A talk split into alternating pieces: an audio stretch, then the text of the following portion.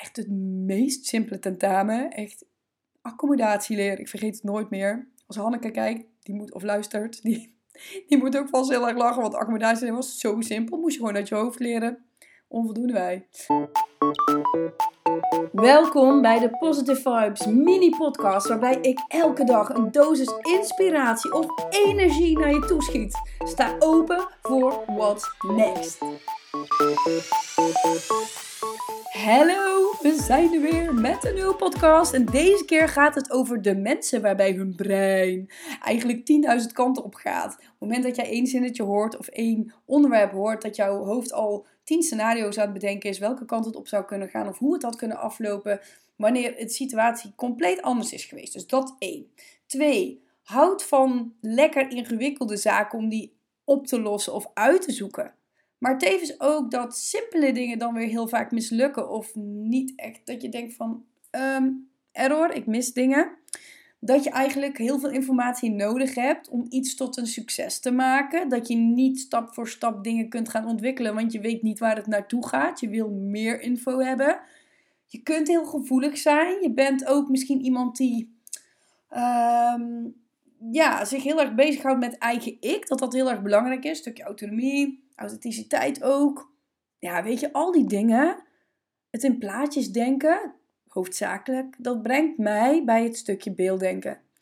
En 20% van de mensen zijn maar beelddenkers hier. En dan denk je, ja, maar hoezo zo weinig dan maar? Ja, I don't know. Weet ik ook echt oprecht niet. Wat ik wel weet is dat er heel veel lineaire denkers zijn.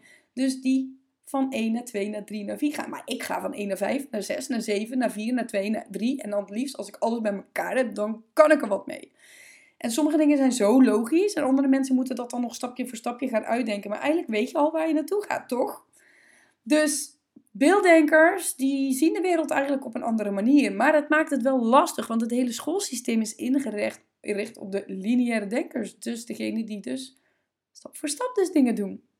Maar ook in ondernemerschap kom ik er heel erg veel tegen. Heel erg veel beelddenkers die gewoon eigenlijk van alles, van allerlei plannetjes hebben. Dat moet dan uiteindelijk nog iets vormen. Maar het is nooit op één manier. Het gaat nooit super simpel. Dus het is zo leuk om daarmee te werken, omdat in de gesprekken ook, je merkt vaak dat er tien onderwerpen door elkaar lopen en uiteindelijk komt leidt het nog ergens toe. En heb je ook zoiets van, oh, nice, weet je? Oh ja, wist je nog vandaar? Van net tien minuten geleden hadden we daarover. En dat komt dan weer bij elkaar. Maar beelddenkers zijn heel leuk, want daar zit het hele creatieve stuk. Die houden ervan om echt dingen waarbij andere mensen zoiets hebben van... ga ik niet eens aan beginnen? Beelddenkers gaan echt daar helemaal in met hun hele hoofd. Uh, ze betrekken er alles bij in een omgeving en kunnen op de raarste momenten tot een oplossing komen. Dus waarom ik dit even onder de aandacht wil brengen, is omdat je bent misschien soms anders. En even een voorbeeld van mezelf ook, wiskunde op de MAVO. Dat ging bij mij echt niet goed. Ik had een onvoldoende. En toen moest ik nog examen doen. Dus heb ik allerlei bijlessen lopen volgen voor dat wiskunde. Om vervolgens toch net met hak over sloot, volgens mij had een 5,5 of 5,6 of zo, om het te halen. Vervolgens had ik op de HAVO een 8,5 voor wiskunde. Waarvan ik echt al zoiets had van, Oké, ik heb hier geen extra werk voor gedaan. Het is wel iets andere stof. Het wordt waarschijnlijk ook anders uitgelegd. Maar oké. En toen vervolgens op de sportacademie. Echt het meest simpele tentamen. Echt accommodatieleer. Ik vergeet het nooit meer. Als Hanneke kijkt, die moet, of luistert, die, die moet ook vast heel erg lachen. Want accommodatieleer was zo simpel. Moest je gewoon uit je hoofd leren. Onvoldoende wij. Maar vervolgens het moeilijkste tentamen over parabolen en weet ik wat. Waarvan, waarvan ik eigenlijk zelf het idee had, nou ik snap het nog niet helemaal. een van de weinigen die het gehaald had. Dus dat is zo grappig. Maar beelddenkers kunnen ook wel vaak heel onzeker zijn. Dat ze denken van ja, laat ik het maar gewoon niet doen. Want hè, misschien is het niet haalbaar of zo. En andere mensen snappen je dan dus ook vaak niet. Omdat ze op een andere manier denken. Een andere manier het hele systeem doen.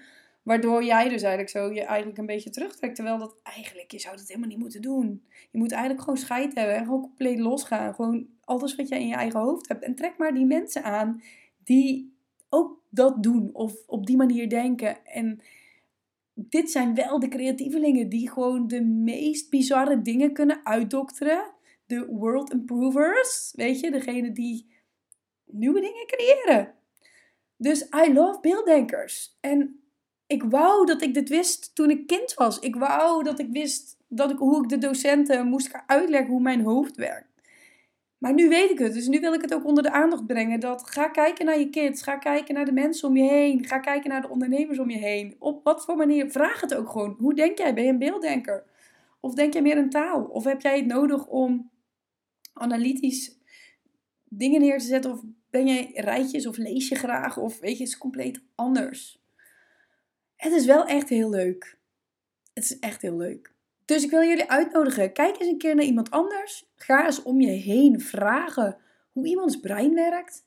En ga eens kijken of je van elkaar kunt leren of elkaar kunt versterken. Want ik heb één vriendinnetje, Kimberly, is totaal geen beelddenker.